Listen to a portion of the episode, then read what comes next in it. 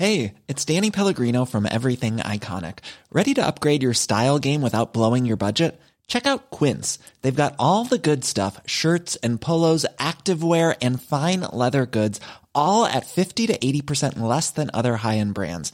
And the best part? They're all about safe, ethical, and responsible manufacturing. Get that luxury vibe without the luxury price tag. Hit up quince.com slash upgrade for free shipping and 365 day returns on your next order. That's quince.com slash upgrade. Hey, Dave. Yeah, Randy. Since we founded Bombus, we've always said our socks, underwear, and t shirts are super soft. Any new ideas? Maybe sublimely soft. Or disgustingly cozy? Wait, what? I got it. Bombus. Absurdly comfortable essentials for yourself And for those facing homelessness. because one purchased equals one donated. Wow, did we just write an ad? Yes. Bombas. Big comfort for everyone. Go to bombas.com slash ACAST and use code ACAST for 20% off your first purchase.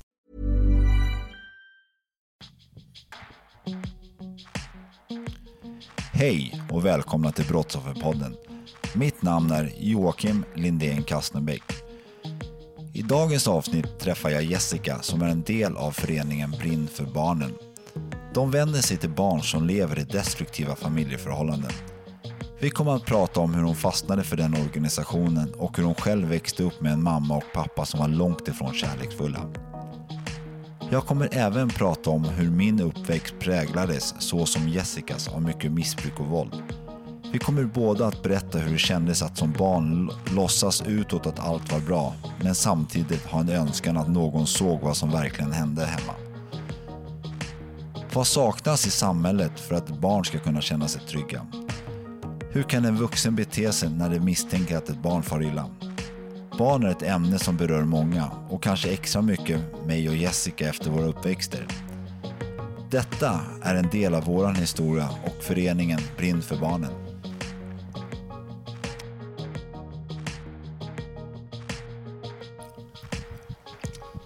Så där, då börjar vi då. Yes. Hej Jessica! Hej! Hej, kul att ha dig här. Tack så mycket. Har resan från Göteborg gått bra? Eh, ja, nej, men absolut. Jag mår lite illa dock när jag åker tåg, men annars har det gått bra. Men du åker upp en del. Ja, absolut. Du har Jag- ditt vanliga jobb fast du jobbar, du har en sidogrej också. Mitt riktiga jobb jag har jag, eller ja, huvudkontoret är uppe, men vi har kontor i Göteborg. Och så. Men eh, ja, annars så är det ju den ideella delen av mitt liv också. Ja. Jag fick ju tag i dig via en Instagram-sida som heter Brinn för barnen. Mm. Jag tänkte vi kan prata mer om Brinn för barnen sen, men lite Japp. kortfattat, det handlar om barn som har farit illa i uppväxten kan man säga. Ja, utsatta, eller utsattheten som många av eh, svenska barn lever i idag. Vi försöker liksom belysa det och, och se till att vi får en förändring för barnen helt enkelt. Yes. Man kan, vi kallas maskrosbarn, gör det? Ungefär. Eller ett, Ja. annat, ett annat ord kanske för... Mm, Ja, nej, det, är alltså, maskrosbarn handlar ju egentligen om att, att man har klarat av någonting och med, med sinnesfulla bruk, eller på att säga, eh, och att man får ha ett normalt liv. Men de vi kämpar för det är de som lever i utsatthet idag. Ah, Som lever i liksom missbrukarfamiljer eller där det förekommer våld. Eh, eller annan form av vanvård. Liksom. Eh, att vi ska få en förändring inom eh, politiken, eh, samhället och att öppna ögon på folk. Liksom, så att eh, ja, barn inte ska behöva fara illa eller mista livet så som till exempel Esmeralda gjorde då i Ja. Lilla hjärtat-fallet. Jättehemskt. Det Ja, är ett väldigt ofantligt fall och det, det är bra. Eller det är jättetrist att det behövdes men det är bra att det, ly, upply, det upplyses. Att folk, Ja, precis. Men vet du vad det galna är ju att det är så många barn innan Esmeralda som har, som har dött på grund av en hemmiljö och att inte samhället eller myndigheter har, har eh, agerat. Eh, nu var det tur att Melinda, då Esmeraldas familjens mamma, vågade gå ut med historien helt enkelt. Och det var ju tur, för att då, det var ju fler som fick upp ögonen helt enkelt. Och att det blir en förändring nu då. så, så hennes liv, så här, all kärlek verkligen, Mm. så, här, så kanske kan rädda andras i slutändan. Ja, det hoppas och tror vi på. För att det är så att jag har, jag vet inte, det är vissa som lyssnar på den här podden som har lyssnat på andra poddar. Eh, vet om att jag kommer själv från ett lite strulförhållande med två föräldrar som är missbrukare. Så jag, jag har själv velat prata om det här ganska mycket så jag skrev till er på Instagram. Eh, och ni är flera som håller in om jag fattar hela rätt. Jajamensan. Så, och då var så den som svarade eh, bad dig höra av dig. Så att, Ja. då skrev du lite, så snackade vi lite och, eh, och så kom vi överens om den här intervjun. Mm. Men jag tänkte, eh, jag tänkte, du kan berätta lite om din uppväxt så kommer jag säkert flika in lite om, om min Ja. och mina erfarenheter och känslor kring det hela. Mm. Så, så tar vi det därifrån. tycker jag. Ja, nej, men min uppväxt eh, är väl kantad av psykiskt och fysiskt våld, missbruk eh, och övergrepp helt enkelt. Då. Ehm, så eh, ett väldigt ensamt barn som eh, inte hade någon. Så. När du säger alltså, var det föräldrar som, som missbrukade, använde droger, alkohol? Och, Ja, inte droger men alkohol. Och eh, min, eh, ja, jag tycker inte om att kalla dem för mamma och pappa för för mig är de inte det. Men nu gör vi det i jag detta eh, sammanhang. Då. Men min pappa misshandlade min mamma. Eh, både psykiskt och fysiskt och eh, de båda fysiskt och psykiskt misshandlade oss barn då. minns du hur ung du var när du såg det första gången? Åh herregud. Ja, vad kan jag, alltså, det jag kommer ihåg då såklart, det är väl när jag är fyra år liksom. Fyra år. Så att, för jag antar på något sätt så är ju ens föräldrar är någon slags, eh, nu, nu kallar jag dem dina föräldrar Ja, också. precis. Ja. eh, är någon slags trygghet. Så det måste kännas väldigt konstigt för dig att se att det här som blir trygghet blir otryggt. Ja, precis. Och nu har jag ju läst på så extremt mycket om det här, men det är ju ingen trygghet. Alltså, det är ju två människor som är extremt otrygga och inga barn kan ju knyta an till sådana personer. Utan du blir ju mer en förälder till den ena föräldern då. Och eh, rädd för den andra föräldern på olika sätt. Och får lä- lära dig att parera, eh, ja, i detta fallet då min pappas ilska hela tiden. Liksom.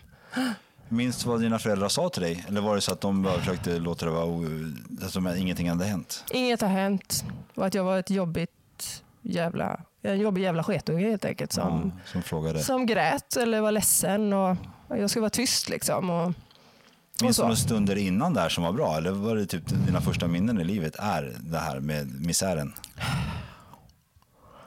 Det är klart att jag har stunder i livet som, som jag kan minnas som var bra. Liksom. Men där innan när du var fyra? Minns du någonting? Nej, Så, så långt du kan komma tillbaka så över dina ja, ja, gud ja. föräldrar? Det är så bara att- våld. Mm. bara våld och strul. Så Mm, verkligen. För jag minns ju själv när jag var väldigt ung och eh, mitt första minne jag har i livet det är när Mm. min pappa släpper iväg mig till min farfar och jag var lycklig. Mitt andra minne jag har är att min farfar släpper av mig hos min pappa och jag känner oro. Ja, Det är så att jag minns nästan ingenting däremellan. Då var jag också, jag vet inte vad jag var, fyra, fem, sex, minns Ja. inte. Eh, Men just den här att jag visste att hemma hos mina farföräldrar var det lugnt, är det lugnt. Ja. Mm. Och men när jag kommer hem så var det, jag vet inte ens varför jag var orolig, men in, inombords så kände jag. Känner du igen dig i de där känslorna eller? Ja, och det är väl många som har frågat vem jag hade. Liksom. Men jag hade ju ingen. Jag hade ingen. Ehm, ingen vuxen alls. Så att jag levde ju ständigt bara i exakt samma miljö. Liksom. Ehm, det var förskolan då som jag kommer ihåg att jag hade två lärare eller pedagoger då som, som jag tydde mig mycket till. Berättade du för dem någonting? Nej, gud nej. Nej, du, du vågade inte? Eller kändes bara fel kanske? Man skämdes ihjäl. Alltså man, man kände att det var något fel på en själv. Alltså man, var ju, man var ju så kränkt väldigt tidigt som barn. Man var, fick ju inpräntat vilken ung, ja, hemsk unge man var, att man inte var värd att älska. Och då blev man ju eh, tyst person, liksom. tyst barn. Så. Men minns att du önskade någonting, att de, att de skulle sett någonting? För jag har svaga minnen att jag minns att, Ja, gud ja. att Det de var önskar snälla, kan inte se? Så här, ändå har man mas, eh, fasaden på masken på mamma är världens bästa skådespelare. Ja, ja, ja, absolut. Nej, men det är väl klart jag önskar. Jag önskar att någon bara hade... Att någon bara hade... Ja, jag kommer ihåg att jag tänkte så ofta att jag ville ha någon som bara kramade om mig, som, älsk, alltså som bara sa jag älskar dig. Och, ja, för den man var liksom. Så. Hur länge pågick det här i, i familjen? Så här, Ända tills min pappa dog. hur gammal var du då? Då var jag 23. Du var 23. Men var, du var inte hemma, du hade flytt, du hade flytt hemifrån? Gud ja, jag flyttade hemifrån när jag var 17 år. 17 år, ja du ser. Mm. Och, men hur var, var din kontakt med dina föräldrar jätteknas hela tiden? Ja, Men hade, kände du också att du hade någon så här att, för jag kommer ihåg när de ville placera mig hos fosterfamilj, Mm. då rymde jag för att gå hem. Ja, just det. För att jag ville ha koll på min mamma. Min pappa Ja, var, var ju typ aldrig där, men Nej. min morsa var ju den jag drogs mig till. Så här, och jag kände alltid att, trots att jag var hos min så här, jättesnäll familj, så, så när jag skulle gå och lägga mig så drog jag hem. Så här. Mm. För att du var tvungen att gå hem och ta hand om henne? Eller? Ja, eller för jag ville se att de hade det bra och hade koll. Så här. Sen när jag väl var där så vet jag att de mådde skitdåligt över det. Ja. Det var paradoxala Exakt. grejen. Så. Det är väl lite där i mitt fall som inte är vuxna barnet föddes som du säkert kan, om du har jobbat med det själv så vet du också vad Mm. vuxna barnen är. ja.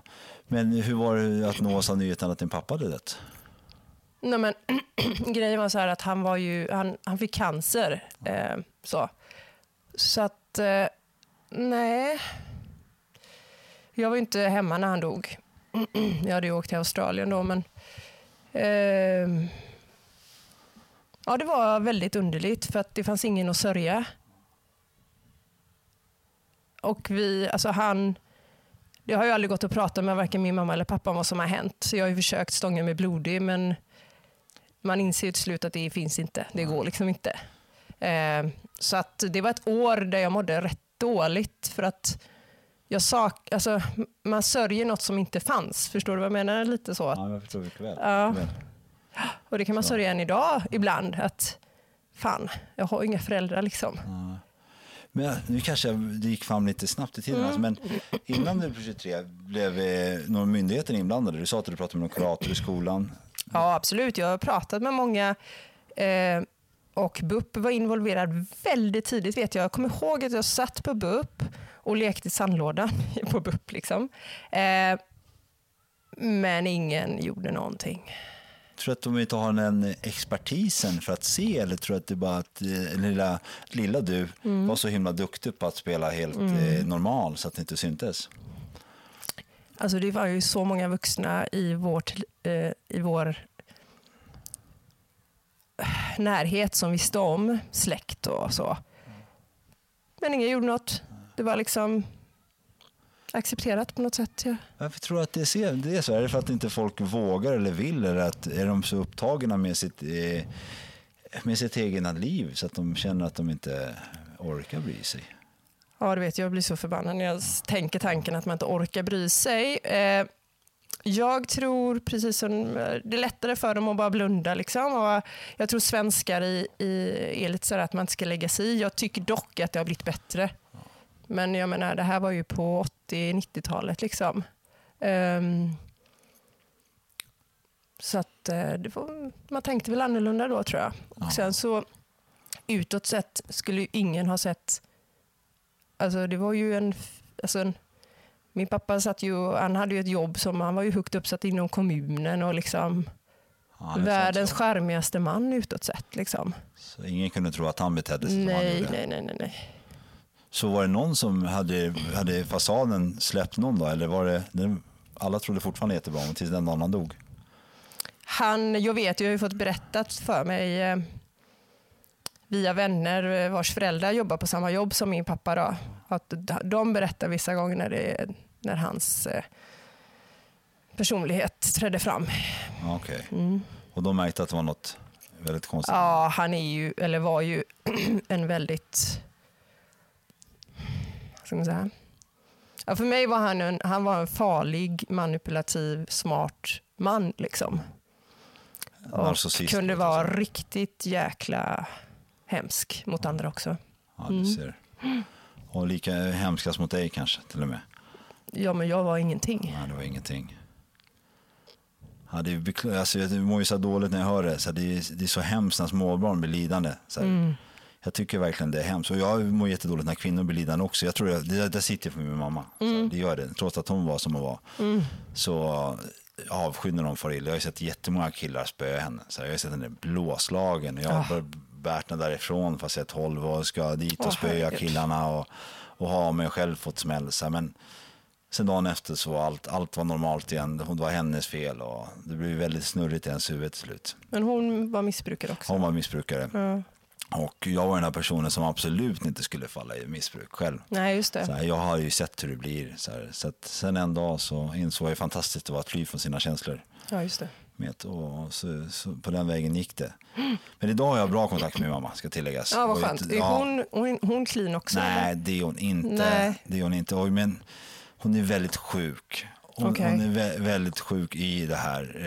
Eh, men hon innerst inne så vet jag att hon är en jättefin person. Mm. Fast jag tror när hon var väldigt ung så började hon stänga av vissa saker. Ja. Och sen istället för att då kanske ta hand om de bitarna så har hon fortsatt fly från den. Ja. Mm. För jag vet att hon är fortfarande väldigt barnkär. Låter väldigt konstigt. Barn Ja. älskar henne också. Så, och sen också väldigt När hon är nykter då? Eller? när hon är nykter. Ja. Barn gillar nog henne när hon är lite påverkad också för då blir hon extra flamsig. Så här. Kanske barn som inte känner henne. Så här. Men, men eh, det var ju, när jag själv blev nykter så var det en av mina, mina största vinster. Det var faktiskt mitt, att mitt hat mot henne blev kärlek. För att jag, det är min mamma. Jag eh, har förlåtit henne så här, och jag har bett om förlåtelse för saker jag har gjort sen. För jag har ju trott att jag kunde bete mig som exakt hur jag velat sen när jag blivit vuxen för att hon har betett sig som hon har gjort. Okej. Eh, Och det har inte varit rätt. Nej. Nej, men hon är hon är en väldigt sjuk människa som har kanske gjort det bäst efter sina, sina förutsättningar. Jag- Fast jag kanske inte riktigt tror på det själv. Nej. Jag tror inte, hon har åtta Men har barn. du, har du syskon eller? Sju syskon. Sy, Sju? Sju Ja, syskon. ja. Så det var, Det är samma här. ja, du har också sju? Ja, sju halvsyskon. Ja, du ser. Så bodde de hemma också? Mm, ja, två stycken av dem eh, till en början. Och ungefär i samma situationer var de i som dig då? Ja. Men, var du, var, men de, du sa i början, de försvann sen? Ja. Och var, var du den, den som var med hela tiden? ja. Ja, du ser.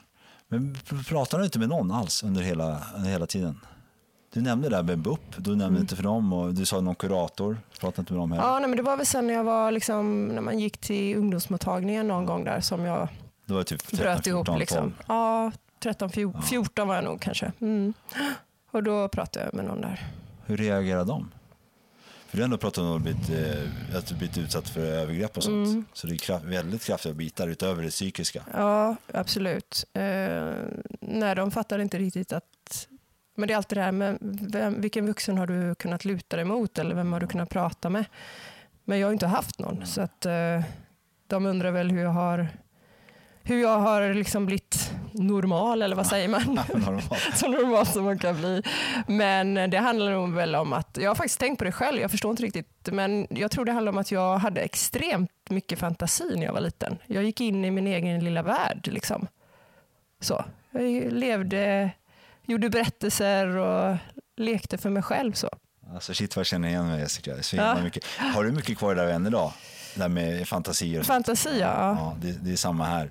Ja, Samma på gott och ont. Ibland är det väldigt ont när jag får för mig hur saker ska vara eller inte. Så. ja just det.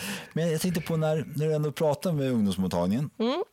och de bara frågar hur du har klarat men erbjöds någon hjälp där? För att idag, nu, nu har jag ju precis som du har sagt, du har sagt att du har jobbat mycket med det här. Mm. Men idag när jag pratar med människor som jag märker har fart illa, då ser jag ju direkt Ska jag försöka söka, ska jag se vad du jag kan ta så du kan prata, så du kan få expertishjälp eller kan, är det på en kanske lite mindre nivå, kanske jag kan hjälpa till, så här, Ja. mina erfarenheter. Så här. Men var det något sånt de gjorde? Eller var det bara att de, Nej, nej, ingenting? nej. Så det låter verkligen som det felas. Eller inte felas ska jag inte säga, de kanske inte vet bättre de heller. Så här, men det brister, så kan man säga. Det brister väldigt mycket. Ja, det är väl helt tokigt om de som jobbar med det professionellt inte vet vad de ska göra eller erbjuder riktigt stöd och hjälp såklart. Alltså, nu när jag läst på så mycket om det här med våld i nära relation och hur barn påverkas så förstår jag ju så extremt mycket varför jag har betett mig mot mig själv eller betett mig eller varit utåtagerande eller självskadebeteende. Jag förstår ju det idag. Liksom. Men det är jag själv som har fått inse det eller läsa på om det. Ja, för man tycker ändå när det är hos BUP och är väldigt ung och sitter där och leker att, att de som är där, som jobbar och får betalt för det, Ja. ska vara experter. Ja. Kanske borde se att det här är ett normalt beteende för någon som faktiskt är utsatt. Eller Mm. för någon som faktiskt är i, i, sätter på den här masken. Det kanske finns ett finare ord för det. Mm. Men då kanske inte hade kommit så långt på 80-90-talet. Jag, jag vet Nej. inte. Så här, det kanske är annorlunda idag. Jag hoppas förstår- att det är annorlunda idag. Ja, det hoppas- Innerligt. hoppas Alltså. jag verkligen också. Så här, är det någon som lyssnar på det här som vet att det inte är annorlunda så får du jättegärna höra av dig till mig så kan Ja, vi kolla vidare på det. Eh, Men när kände du att du inte hade en del av dina föräldrar? Mm, precis. Ja, men det tog ju jätte jättelång tid. Jätte, jag var livrädd att vara som pappa och jag var livrädd att bli som mamma. Så att det var, jag kämpade innan jag bestämde mig för att skaffa barn eller liksom kände att jag ville ha barn. Då hade jag bestämt mig för att jag måste jobba igenom allting så att jag känner mig klar med mig, eller vet vem jag är och varför jag beter mig. Så att inte, jag vill aldrig att mina barn ska behöva uppleva någonting av det jag upplevt. Fick du, fick du några så här osunda beteenden? I mitt fall, jag Ja. blev ju jag blev substansberoende. Ja. Har du fått några? Absolut, alltså, herregud, det har varit massa olika saker. Men när jag var 14 så hade jag bestämt mig för att ta livet av mig. Um, det är skitjobbigt att säga det, men så var det. Och eh, jag hade en sån extrem tur att träffa en väldigt fin pojkvän väldigt tidigt. Han blev lite din räddning. Var han, en, han var en sund person? låter. Ja. Jättesund person, herregud. Han var så trygg och stabil och bara var 14 år. Och kunde älska, jag var ju helt trasig då Ja, liksom. jag förstår det. Minns du vad det värsta det var när du var liten som hände er? Det hände dig menar jag. Hände mig? Ja, det, det minns jag. Mm, och det handlar om att man fick ju aldrig vara ledsen hemma. Eh, och jag var ledsen, jag kanske var fyra, fem år, något sånt. Och min pappa jagade mig runt eh, vardagsrummet med en kniv. Så jag sprang och han sprang efter mig med liksom kniven i högsta hugg. För att du var ledsen? Och eh, sprang in i deras sovrum och, och satte mig och min mamma var i sovrummet också då. Jag vet inte om hon hade blivit slagen eller något, jag kommer inte ihåg. Och satt i sängen och jag hoppade upp i sängen och då satte han kniven i, precis bredvid min fot och hotade mig liksom att om inte du slutar liksom så. Det måste ha varit jättehemskt. Ja, det är ju helt galet. Ja, det är ju verkligen helt, helt sinnessjukt. Mm, det är sinnessjukt. Ja. Men, äh, och sen så var det som att inget hade hänt. Från Sen, det. äh, precis. Så. Men hur var de som nyktra? Han var fruktansvärd. Ja, så fruktansvärt. Var han gullig som full? Vissa vet jag är Nej, jätte- nej. Han var nej, ännu nej, sämre som nej, full. Nej. Nej. Men var det så att de gav dem någonting? Så här, var det, fanns det någon kompensation för deras beteende? För vissa, vissa föräldrar är ju så här hemska, sen Mm. kompenserar de genom att köpa. Exakt. Ja. Det var ju så här när jag liksom ja, skrek och grät ibland att eh, då var det, men du, har ju, du får ju vad du vill. Du har ju hur mycket Barbie-dockor som helst. Ja, ja, det hjälper ju långt. Ja, exakt. Det hjälpte är ledsen. Men hur gamla var du när syskonen försvann? De här två som bodde hemma? Hur gammal jag var då? Ja. Ja. men då var jag rätt liten. Alltså jag var väl, eh, ja, men jag, var, jag hade inte fyllt sex i alla fall. Ah, Okej, så från sex tills du fick lägenheten så var det, var det hemma själv? Ja. Och bara, hur kommer det sig att du BUP blev inblandad?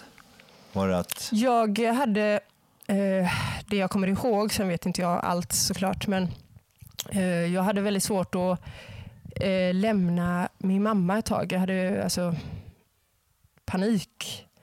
Men eh, det var ju att eh, jag trodde hon skulle, för de hotade ju ofta att de skulle försvinna. Och att de skulle gå och ta livet av sig. Eller att han skulle ta livet av henne. Så att jag trodde det var det att jag trodde de, eller hon skulle försvinna. Okay.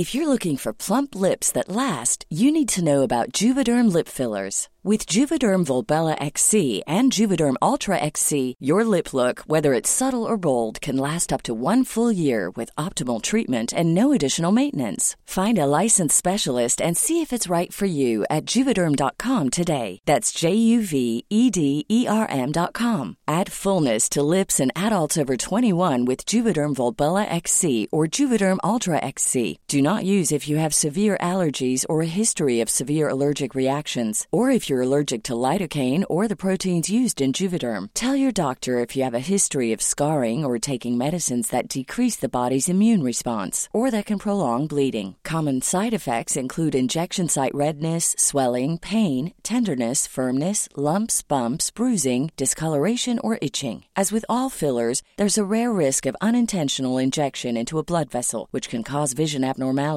blindness, stroke, temporary scabs, or scarring. For full important safety information, visit juvederm.com. Hey, it's Ryan Reynolds, and I'm here with Keith, co star of my upcoming film, If, only in theaters, May 17th. Do you want to tell people the big news?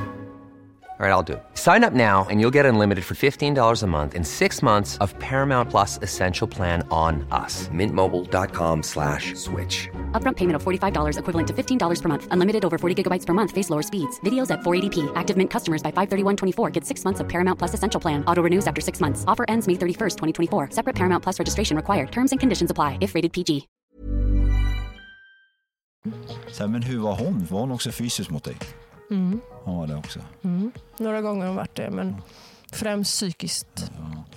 Det är också jätte, så här, precis som i mitt fall, så du säger att du är rädd att hon ska försvinna så du vill inte lämna henne. Nej. Och hon är också din förövare. Ja, exakt. Så det är hemskt. Det är Ja. som, eh, kanske jättekonstig jämförelse, men man förstår att det är som en, en husse till, som slår sin hund Ja. och ändå kommer hunden. Ja, så exakt här, så. Och är livrädd Och ändå önskar man att man bara skulle bli, komma därifrån. och blir sedd. Ja. Jag gjorde en intervju, jag tror i avsnitt sex med en person eh, som han blev utsatt av en familjevän det. och, eh, och då sa han att han minns en gång, då var det en lärare som frågade han så här, hur mår du? Han sa ju att han mådde bra, men han blev så glad över den där kommentaren att det är någon som ser mig. Så här.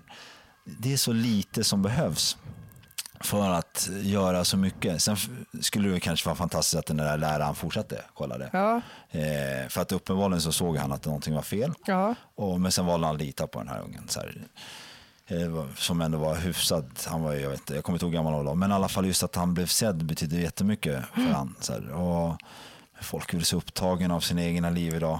Kanske, kanske därför de inte ser. Minns du någon som såg dig? nej, Ingen. nej. Flyttade ni mycket eller var det samma plats hela tiden? Samma plats hela tiden. Så att, Absolut. så att på något sätt så blev din den här äh, skådespeleriet, att allt var bra, blev, din, blev riktiga Jessica. Ja, exakt. Men jag menar, det är klart att folk måste ha hört liksom, de bråken som var. Ja, det är klart. Men inte brytt sig alls. Nej. Hur kom du in på det här med Brinn för barnen? Så här? Ja, hur kom jag in på det? Nej, men jag har väl alltid känt att eh, man vill göra någonting för svaga och jag har varit väldigt så här, inne och ta hand om djur och hundar framförallt tidigare. Och sen så blev det mycket med barn och sen så har jag själv varit sån att jag när det har varit, så här, artiklar i tidningen så bara, nej men gud jag klarar inte av, jag klarar inte av att läsa, jag får panik liksom. Så. Men sen så kom ju det här med Esmeralda då. Eh, och sen så började jag Kan jag berätta lite mer om Esmeralda? Ja, nej, men, eh. Ja, det är Lilla hjärtat då som många vet vem det är. Men det är ju hon lilla tjejen som, som dog hemma eh, när hon kom tillbaka till sina biologiska föräldrar då, som levde i missbruk. Eh, så man hittade henne inplastad under hennes säng då. Eh, Hon hade blivit omhändertagen hos en fin familj va? ja, hon bodde ju där sedan hon var bebis. Ja, och helt sen, enkelt. Hur gammal var hon när hon kom tillbaks? Och två, två och ett halvt. På två och ett halvt. Mm. Hon kom tillbaka till sina föräldrar och som då levde inom missbruk, troligtvis. Så här, Mm. Ja, det, ja, de hade ju ett långt förflutet som missbrukare och kriminella och, och allting så. Mm. Och sen så fick hon komma tillbaka och bodde där tio månader innan hon dog. Då. Ja, ja, det det det ja, jag vågar inte säga vad jag tänker, men Nej. det, det är superhemskt verkligen. verkligen det är super, superhemskt. Vad, Ja. vad jag kan förstå så hade hon jättebra hos den här Ja, gud, också. det var ju hennes mamma och pappa. Och det är det som är så helt fruktansvärt. För mig så, eh, och det är jag väldigt stark tilltro till, att biologi betyder ingenting. Utan det handlar om trygga vuxna som älskar och, och tar hand om barnet. Liksom. Fin- tror att det finns någon logisk förklaring att de faktiskt kom tillbaka? Vi, vi leker med tanken, men nu är det dumt att prata om Esmeralda, att vi ska Mm. Nej. smutsa ner, så här, men hennes, eh, jag tänkte, hennes, vi tar någon annan liknande fall. Mm. Där föräldrarna faktiskt eh, fixar till sig. De har haft förflutet inom missbruk och kriminalitet Mm. men har varit nyktra och ett skötsamt liv ett par år. Mm. Eh, hade det varit okej att de fick tillbaka barnet? Nej, jag tycker inte det. Jag tycker inte det på grund av att hon har vuxit upp, eh, om vi säger då ett annat barn, men hon har vuxit upp i tre år, i, eller nästan tre år i ett familjehem. Där hon har det bra. Hon har sina ja, syskon och sin mamma och pappa där. Eh, då anser jag väl kanske mer att en relation till biologiska föräldrarna, absolut. Men att flytta ett barn på det sättet, det är som om någon skulle komma och hämta mina barn. Var det så att Esmeralda, nu kommer jag tillbaka hit igen, men var det så att hon bara från den ena dagen till den andra? Eller det var inte ens något så här försiktigt? Jo, absolut, men de, hon mådde ju bara sämre och Ja, sämre och sämre. Och det syntes också säkert. Ja, hon tappar ju hår och allting. Liksom. Åh jäklar. Men det är ju världens trauma för ett barn. Ja, det är klart. Det är ju ja, men det är helt fruktansvärt. Och läser man på om anknytningsteori och allting sånt så förstår jag inte ens hur man resonerar kring sånt. Och det är det man, de pratar om nu också att, eh, ehm, att barnets bästa ska bli ett eget rekvisit. Då. Men nu gick ju liksom regeringen fram att det inte skulle bli det. Och då handlar det om det här att, att anknytningen till familjehemmet ska ju vara, tycker Vad- jag, starkare. Vad betyder med eget rekvisit? Jag är inte alltid så insatt i alla ord. Nej, men att barnets bästa alltid ska vara, oavsett liksom, eh, eh, beslut, så ska det vara främst. Men idag så är ju föräldrarätten så stark i Sverige fortfarande. Föräldrars rätt till sitt barn.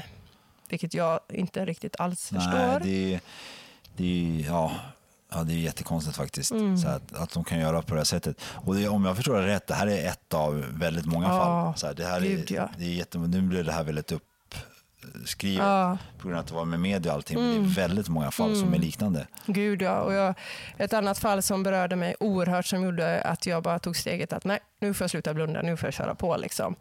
Det var lilla Edvin som eh, blev strypt av sin egen mamma i Halmstad. Eh, bara några månader innan Esmeralda dog. Ja, du ser. Men... eh, Ja, och det, där liksom, det fanns massor med orosanmälningar. Mamman hade ett långt eh, förflutet av missbruk.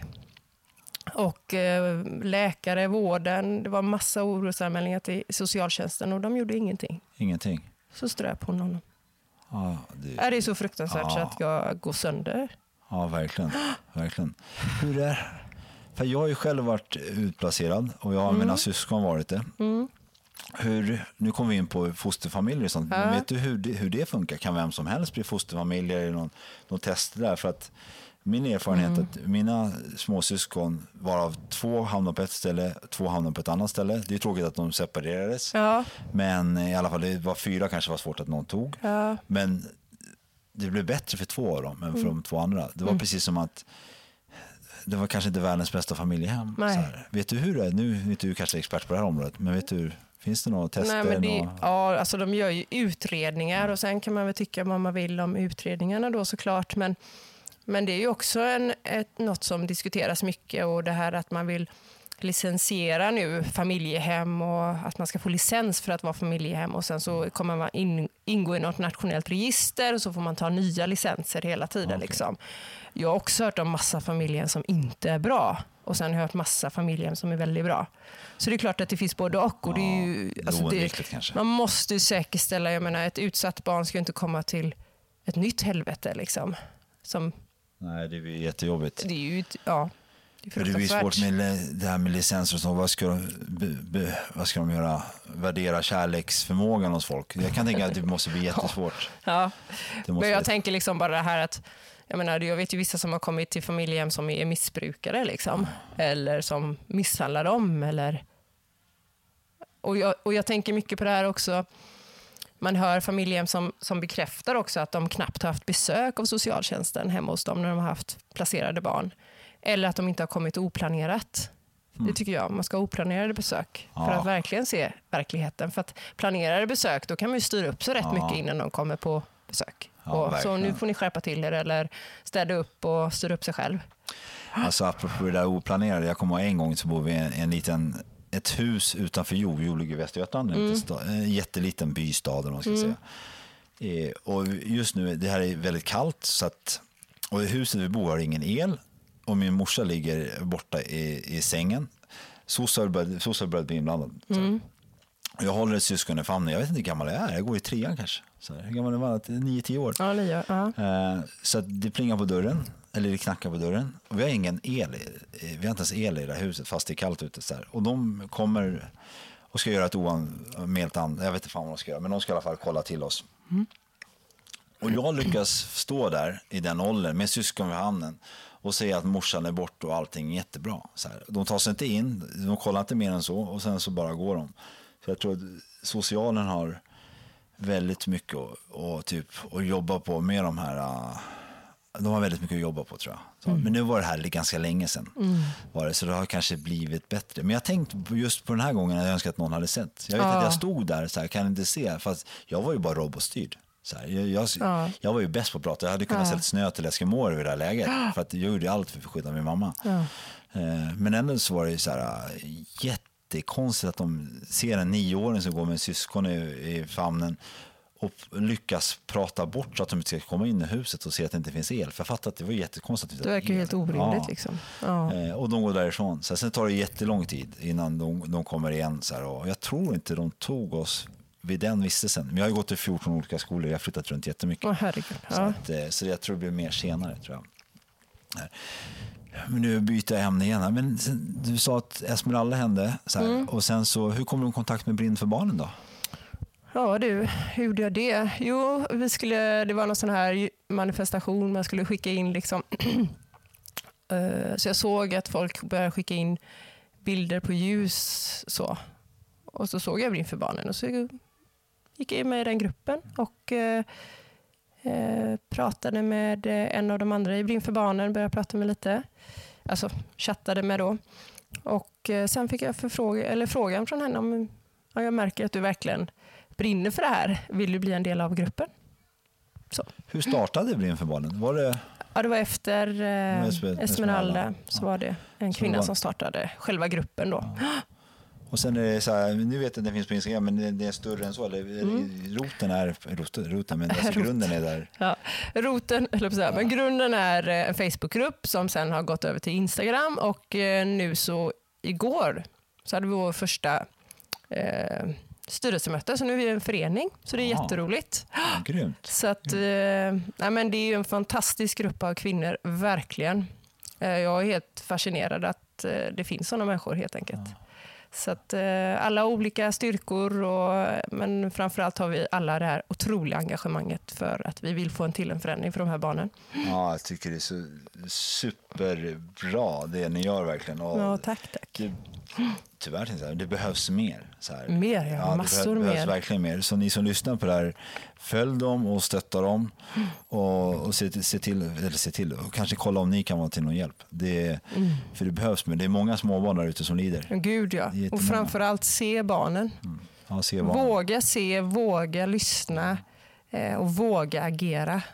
Ser man ett barn som far illa, gör en orosanmälan. Ring och prata med socialtjänsten. Ring och prata med polisen. Ja. Ni kan kontakta oss också om ni vill få tips och tricks, liksom hur ni ska ta er vidare. Och Det står på vår hemsida och, och så också. Då. ja, för jag tror att om man tittar tillräckligt noga så ser man. Så Du får en känsla Ja, i alla fall. Liksom, eller att något som inte stämmer. För jag märker ju hyfsat snabbt om jag är runt någon. Nu jobbar jag med, kanske inte jättesmå barn, men jag jobbar med ungdomar. Och jag märker ju direkt, så här, direkt Mm. Ja. när, när det är någonting som skaver. Ja. Men nu kanske du och jag har ju varit där. Ja, jag så att- tror också man har något annat känselspröt ute hela tiden faktiskt. För det är ju man vill, för att jag tror de flesta barnen kommer neka. Det kommer de göra, så man måste fortsätta. ja. Ja. Man måste fortsätta fråga och, se och visa kärlek. Min dröm i livet är att öppna upp någon, jag vet inte ens om det går, men jag kallar det nutidens fosterhem. Mm. Där, eh, där jag har ett hem med tre eller 20 platser. Mm. Där kärleken ska vara lösning. Där vi ska jobba med självkänsla. Sen kanske Mm. upp till tonåring. Är man 13 så kanske man är för gammal. Det låter ju hemskt att någon ska vara för gammal. Men, men något sånt där för att hålla det som det funkar. Mm. Och där ska det vara att det är någon terapeut som bor dygnet runt. Och kärlek. Ja, Alltså det, för jag tror att det, det finns, kärlek verkar inte finnas i dagens eh, i lös, det lösningsfokuserade. Där. Det handlar om pengar och eh, kanske Ja. inte bara ta från problemet nej. och inte försöka se lösningen. För vi måste även se lösningen, att ta en, en unge så här, ja, jag tycker bara, för det var ingen som har sagt till mig, jag antar att det var ingen som sa till dig heller att det var inte du som var en del av problemet. nej. Nej, så det var Nej. ingen som sa någonting till dig. Man fick nog tvärtom att Ja. eh, man var en del av problemet, eller framförallt problemet. Ja. Det är klart det blir knas i huvudet då för en liten unge. Så, när man är i den åldern så suger man åt sig allting hur man ska vara, hur man ska agera, hur man ska Ja. bli, hur man ska vara i olika situationer. Nej, men alltså, det är ju det om man tittar på ens föräldrar bete sig. Och, och man får ju vara extremt lycklig att man inte eh, tog efter. Och jag, menar, jag hade en relation en gång där, där eh, för jag menar, många som lever eh, i våld i hemmet får ju problem på något sätt. Antingen missbruk eller eh, att man lever själv i en våldsam relation eller slår själv eller ehm, eh, mat, alltså det här med få anorexi eller äter för mycket. Alltså det är också väldigt vanligt och det var väl en del jag fick också såklart. Eller såklart, men det hade jag väldigt jobbigt med. Men det handlar om kontroll, att det är något du har kontroll på. Liksom. Eh, men sen så hamnade jag väl i en, en relation som inte var nyttig för mig heller. Men att jag tog, jag tog mig ur den faktiskt. Jag såg att nej, nu håller jag ju på att göra exakt samma misstag som... Vad var det som fick dig att se att det var... Jag vet inte. Jag satt och tänkte på det på tåget. Så jag tänkte så här liksom att, för jag blev ju hela tiden inmatad hur värdelös jag var. Och att jag inte kunde vara älskad. Och ändå någonstans så hade jag en känsla av att jag är värd något bättre. Och det bara fick mig att lämna. Skönt. Ja. Skönt. Var det hyfsat tidig ålder eller var det efter du började prata? Nej, jag var nog bara 17-18 år. Något sånt. Ja, det är super. Ja. Det kanske var den här när du var 14 som väg, gav det någon Ja, väg. det, absolut, det var det ju. Ja, jag alltså, tacksam att jag fick träffa en kille som var så snäll som han var. Det kunde ju varit en, en annan typ av kille jag hade träffat istället. Ja, exakt. Ja, för precis som du sa så blir det ju väldigt vanligt att folk får ett... Mm. Jag tror att det finns någon så här röd tråd från det här äh, vuxna barnet som det heter till ett medberoende, sen till ett substansberoende av, av något slag. Så här. Och en människa som är ur en knasig uppväxt dras ibland till knasiga personer. Ja. Så för att det är det som är ens trygghet. Utan att Man känner igen det. Liksom. Exakt, det är det normala. Det onormala är normalt. Exakt. Oftast när jag har den här, eller olika intervjuer, brukar jag prata skam och skuld. Men man förstår ju själv hur mycket skam och skuld ett litet barn eh, känner. Så, här. så vi tänkte att jag skulle kunna prata så här istället. Om någon som lyssnar uppe här, nu har vi sagt att se barnet, så här, men finns det något mer du skulle rekommendera att en, en vuxen kan göra? Du har ju sagt att orosanmälan kanske hör av sig till Brinn för barnen, men finns det mer man kan göra kanske direkt på plats för en unge? Om man ser att det far illa direkt. Alltså när jag ser att ett Ja, barn eller typ illa. att du misstänker. Så här, för att Det blir ju väldigt... Man kan inte bara gå fram till vem som helst. Liksom. Så här, och för det har jag tänkt på. Jag, är ju väldigt, jag gillar ju barn. Jag är väldigt så här, framåt. Så, här. så jag kan ju stå fram och snacka med barn. Jag kan inte bjuda någon på någonting. Så, Men idag är det så. Eftersom samhället är som det är så, så blir, kan det tas fel. Ja, ja, här, Vad är absolut. det för äcklig farbror Ja, som gör det här? Liksom, så här, så här, vad, vad kan man göra eller inte? Vad får man inte göra? Så här, har du någon? Det beror på hur gammalt barnet är också och vilket sammanhang man stöter på det här barnet. Liksom. Men jag, jag tänker till exempel eh, i min, min eh, äldsta dotters klass.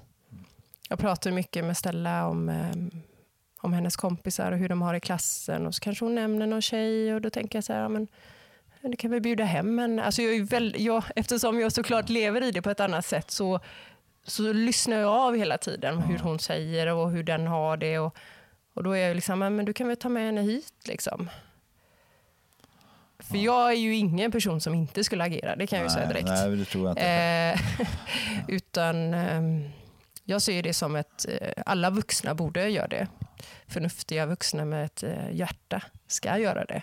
Eh, och prata med barnet och fråga hur det mår. Och, och märker man eller upplever man på något sätt att det här verkar inte stämma så hade jag väl pratat med läraren först. Märker jag att äh, det verkar inte jag få något gehör, då hade jag, ju- jag hade ringt till socialtjänsten. Så. Ja, för det kan man ju faktiskt göra anonymt också. Ja, det Sen gör man. de en utredning, inte, eller internt blir fel, men här, utan att det kanske stör någon. Ja.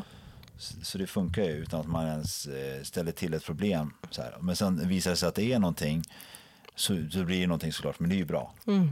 Det är bra. Så får man hoppas att det, det blir rätt agerande. Mm. Och att de har kommit längre än att de låter en eh, nioåring eh, prata bort dem så här. Men jag tror också Ja. att de har kommit längre. Jag, jag hoppas det, för det här var så länge sedan för mig.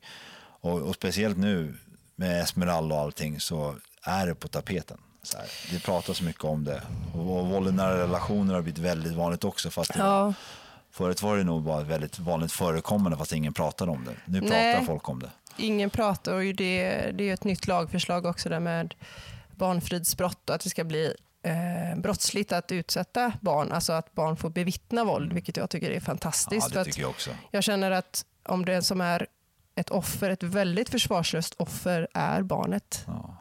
Den kan inte göra någonting. Den får bara finna sig i det. Liksom. Ja, för den blir ju som den här hunden som kommer fast den får stryk. Ja, ja. ja Och- precis. Och inte psykisk så- misshandel är lika jobbigt som Ja, fysiskt, ja. om inte jobbigare. Ja, ja. Och det, och det är inte bara det att det finns ju ingen möjlighet för ett litet barn att Nej, men nu går jag härifrån, hej då. Nu flyttar jag någon annanstans. Utan du är ju helt liksom i, i beroende av dina föräldrar. Ja, så det blir jobbigt när det man är beroende av eh, ja, inte finns där känslomässigt. Och sen när det handlar om det här med socialtjänsten, vad de ser och inte ser. Jag tror vi, vi har kommit bättre, än, eller att det har kommit längre än förr, absolut så. Men det finns mycket kvar. Verkligen. Alltså vi, vi blir involverade i fall hela tiden där, man, där de inte agerar fast barnet far riktigt, riktigt illa. Och då ändå Brinn för barnen en ganska ung organisation Ja, kan man säga. Och ändå ja. blir så involverad Hela tiden Hela tiden. Ja. Vad, vet, vad, tror du, vad tror du det brister? Är det att det inte finns tid, pengar eller att intelligens tänkte jag säga, eller kunskap? Kunskap. Kunskap. Ja, eh, absolut, resurser är ju en, en sak. Sen handlar det om kunskap, absolut också. Eh, jag har ju själv gjort intervjuer med socialsekreterare som har jobbat länge inom, inom socialtjänsten. Och det handlar ju bland annat, vad som en sa som jag tycker var ett perfekt förslag. Liksom att, för att eh, utbildningen idag är ju lite mer generell så. Eh, och sen kommer du ut till ett socialtjänstkontor eh, och då kanske du helt plötsligt ska sätta dig med tunga barnutredningar. Det går ju liksom inte när du är nyexad.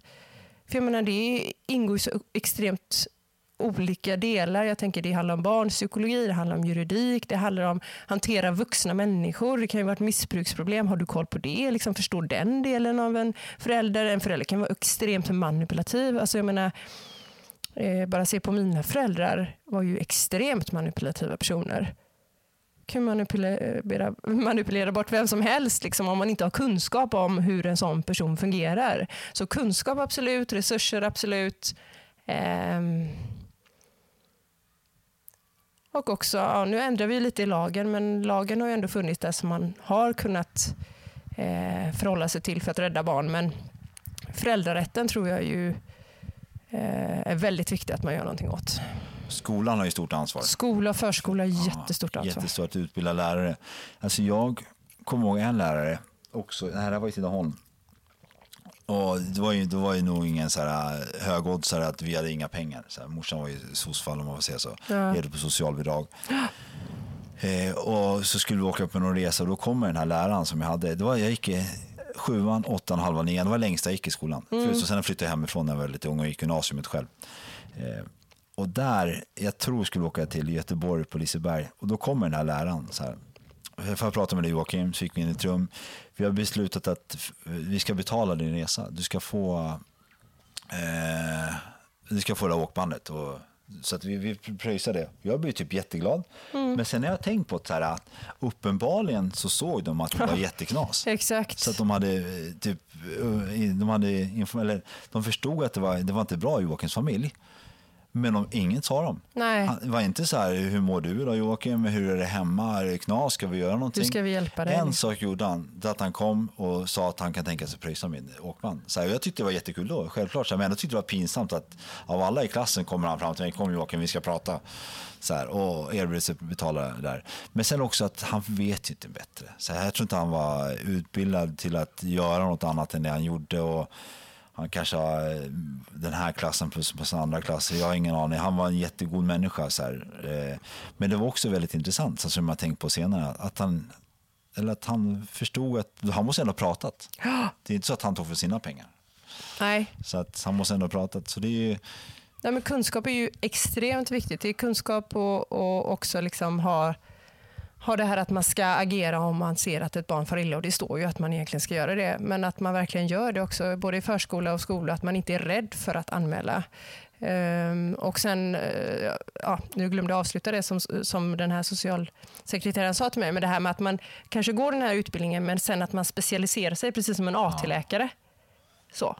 Och att man får verkligen göra liksom sin AT-tjänst inom socialtjänsten innan du kan börja göra något annat. Och att du har en mer senior mentor liksom, som stöder dig hela tiden i svåra barnutredningar till exempel. Då. Ja, exakt. Och sen också kanske sätta in andra typer av eh, stöd, eh, med tvingande stöd som inte innebär ett LVU eller omhändertagande innan. Liksom, att nej, men du är tvungen att genomgå den här eh, ja, att vi behöver stödja dig på detta sättet. Eller ibland kan det vara så att nej, men du, nu ska ditt barn ha en kontaktfamilj som den åker till varannan helg. För du, du, ja, det här barnet behöver det och du behöver kanske, ja, vad det nu kan vara, liksom, jobba med det själv. Eller vad det nu är. Att man kan ha tvingade insatser innan det behöver bli ett LVU, ett Ja. omhändertagande. Då. Ja, exakt. Mm. För om det blir ett omhändertagande så kan det även hamna om SIS. Och då kan det vara en, person, en liten pojke eller en liten flicka som det enda felet alltså inom situationstecken här nu den har i livet är att föräldrarna missbrukar Ja. eh, och hamnar på ett SIS-ställe där den ja, delar eh, matsal med folk som är jättekriminella. Vad blir det av den här pojken? Så Nej. sitter de på sex månader i taget. Hela tiden sex månader i taget. Och det är ju... Eller sjuåringar som hamnar på HVB. Ja, liksom. det är jätteknäppt. Så här. Nej, men det är ju helt fruktansvärt. Och, och bara läsa liksom forskning kring det, att det finns ingen vårdpersonal som någonsin kommer kunna ersätta en, alltså en, eh, en anknytning till en eh, trygg vuxen. Det, det finns inte. Så att, att man gör det idag på så små barn, det är för mig helt obegripligt. Jag tror jag skulle kunna prata massor om det här, det är jag övertygad om Ja. att du kan också, som vi redan gör. Så här. Men om man ska knyta ihop säcken på något sätt Mm. så, så säger du att, att se barnet, Mm. stämmer, och, eh, och var inte orolig att faktiskt prata med lärare, göra en anmälan om det behövs. Ja, absolut. Så, här, för det, det går att göra anonymt Japp. och det blir ingen skada skedd om det visar sig att det inte är någonting oftast. Nej, Så att, och jag, jag håller verkligen med. Och jag hade önskat att, precis som du sa, att någon såg mig ja. att, att någon såg så här. Eh, och, och på kanske Sundsvall inte få en eh, Liseberg-biljett så här, på ett annat sätt, även fast den var jättekul. Så. Mm. Är det något mer du skulle vilja säga Jessica? Jag måste vara nu. Eh, din mamma, du sa att din pappa gått bort. Jag berättar lite om min mamma här. Att jag, hur, är- har, hur är din relation med din mamma? Eh, jag har ingen relation med min mamma alls. Eh, eller hon får träffa sina eh, barnbarn, då, mina barn. Det får, det får hon göra. Du känner att det är, visst hon har fötter men det, sen är det... Det är det. Ja, det är Hon det. har liksom inte... Eh, hon eh, kan aldrig se sin del i det här och hon har fortsatt eh, försöka lura mig på olika sätt även när jag har varit vuxen. Och, eh, jag gick till en bra kurator som sa till mig eh, att eh, du behöver faktiskt inte ta hand om din mamma längre. Nej, den är intressant. Hon är vuxen människa. Ja, är vuxen. Ja. Ja, det är jätte... Ja, klippa navelsträngen. Yes. Men nu, hon har i alla fall träffat barn. Hur är hon kring dem då? Hon är väl som vanligt, hon ger presenter. Stannar där i en halvtimme och jag eh, mår superdåligt när hon är där. Ja, jag förstår. Mm. Nej, men hon har... eh, Hon vägrar inse sina fel. Gud ja, hon ser inga fel. Och hon har förlorat det ena barnet efter det andra, efter det tredje. Efter, ja, så. Jag tror att de vet när, jag brukar ofta säga så här, när man stänger dörren och lampan släckt, då kan man inte lura någon annan längre. Då är man själv med sig. Jag tror att de vet om det där. Nej, jag tror faktiskt inte det. Jag tror hon är så sjuk. Eller att hon dricker då, så att Ja, hon inte vet. Ja. Ja, för man brukar ju kunna lura alla, men man kan inte lura sig själv. Men sen finns det de som är så pass eh, sjuka, känslokalla eller eh, narcissistiskt lagda. så Ja, att de det- in, inte känner. Nej. Och det är väl kanske det som räddar hennes liv. Att hon kanske slipper... Ja, och det är väl det som har liksom också varit en räddning för mig. Att jag har ehm, insett att det spelar ingen roll vad jag gör eller säger, utan de här personerna kommer aldrig förstå. Aldrig. Så att det är lika bra att du liksom ger dig för din egen skull och egen energi skull. Liksom. Och det var det bästa beslutet jag någonsin har gjort. Ja, jag förstår det verkligen. Ja. Eh, har du varit på din pappas grav? Eller han, din biologiska? Ja, precis. Eh, jo, men det var länge sedan. Ja, Du har fått något avslut där? Som du... Ja, men absolut. Alltså jag, jag sörjer inte honom. Har du förlåtit han? Han är ingenting. Han är ingenting. Nej. Jag, jag har ju förlåtit min mamma, jag har förlåtit min pappa. Mm. Min farsa han är ju psykos idag, han är den här, jag tror att skulle man, all kärlek till honom, för jag faktiskt älskar han på något skumt Mm. sätt också, men skulle han åka runt till skolor och säga jag har knarkat, skulle ingen röra droger. Så han är, han, Ah, okej. ja, för Mm. drogerna Ja, har tagit han hårt. Ja. Ja. Så här, och är helt omedveten om sina fel. Helt. Han har inte gjort ett fel hela sitt liv heller. Nej, så här, det. jag nämnde det där om din mamma så, så tänkte jag min pappa, fast min pappa har förlorat allt. Så här, han har, typ, jag vet inte ens var han bor idag. Nej, så här, jag, vet, jag vet ingenting. Men alltså, jag måste bara fråga det här med förlåta. Liksom. Ehm, det var viktigt för dig att förlåta. Jag tror att det är, jag är nykter inom ett tolvstegsprogram. Mm. Vi börjar prata mycket om eh, ett, av de här stegen där om förlåta, eller att göra sig kvitt.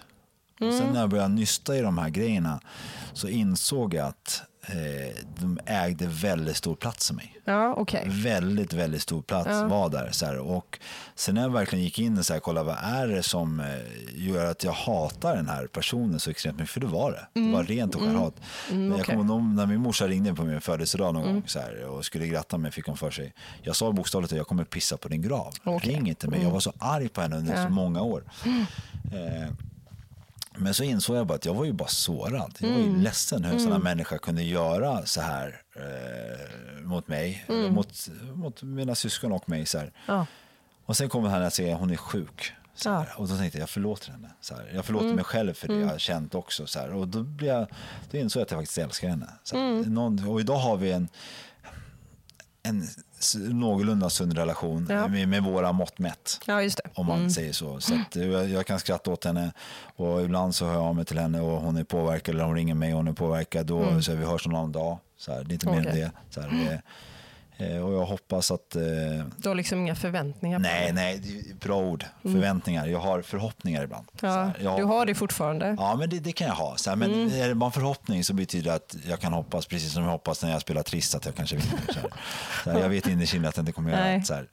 Och, eh, och sen är min morsa, hon är, hon är gammal idag. Så, Ja. att, så det är inte alls som förut. Det är inte alls, Nej. det är inte alls som förut. Så hon, är, hon är pensionär. Liksom, och, så att... Eh, Nej, så det jag har förlåtit henne, din fråga, och förlåtelse för mig har varit ganska viktigt. Men det är också bara för att jag har blivit inpräntad att det är en viktig del. Så när jag har den här podden så pratar jag väldigt mycket förlåtelse. Så här, och man kan förlåta sin förövare och allting. Så här, och jag tror för min del att det handlar inte om den andra alls. Inte ett skit. Sen är det jättefint om det, man blandar in den andra också, men för mig handlar det mycket om att förlåta den andra för att bli kvitt själv. Men jag känner ju ing- jag känner inget hat, jag känner ingenting. Nej, är Så det kanske är någon form av, eh, är den ultimata. eh, kanske inte förlåtelse men mer eh, komma till ro. Ja. Men skulle du bli chockad? Skulle du vilja ha en förlåtelse? För vad? Nej, ja, du ser, du ser. Jag, du kan inte, det är fantastiskt bevar. Ja, men det är skitbra. Här är. Ja, men då så, då får jag tacka dig för att du kom hit. Ja, men Och, tusen eh, tack. Och alla som lyssnar på det här, följ Blind för barnen. Ja. Så, och eh, ja, följ Blind för barnen. Facebook, Instagram och finns säkert på hemsida också. Hemsida också. Ja, Ja, ja. Tack så jättemycket. ja men tusen tack. Hej. Hej.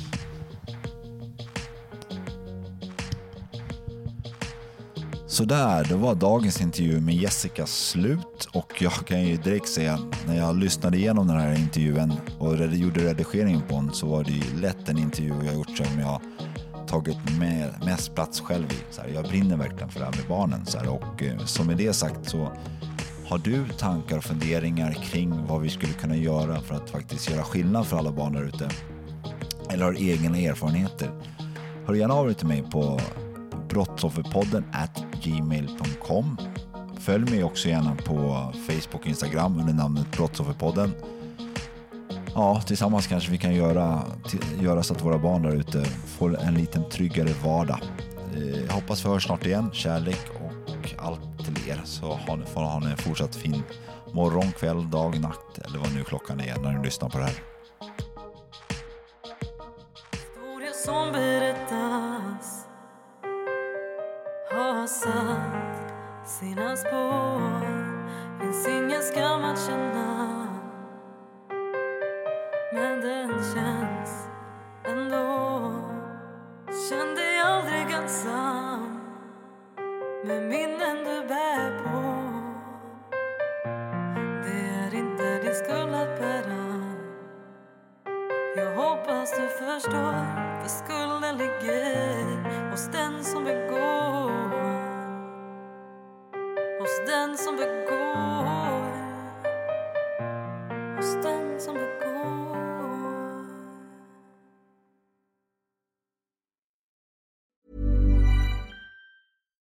When we're on a budget, we still deserve nice things. Quince is a place to scoop up stunning high-end goods for 50 to 80% less than similar brands. They have buttery soft cashmere sweaters starting at $50, luxurious Italian leather bags, and so much more. Plus, Quince only works with factories that use safe, ethical, and responsible manufacturing. Get the high-end goods you'll love without the high price tag with Quince. Go to quince.com slash style for free shipping and 365-day returns. Imagine the softest sheets you've ever felt. Now imagine them getting even softer over time. That's what you'll feel with Bowl and Branch's organic cotton sheets. In a recent customer survey, 96% replied that Bowl and Branch sheets get softer with every wash. Start getting your best night's sleep in these sheets that get softer and softer for years to come. Try their sheets with a 30-night guarantee. Plus, get 15% off your first order at bowlandbranch.com. Code BUTTERY. Exclusions apply. See site for details.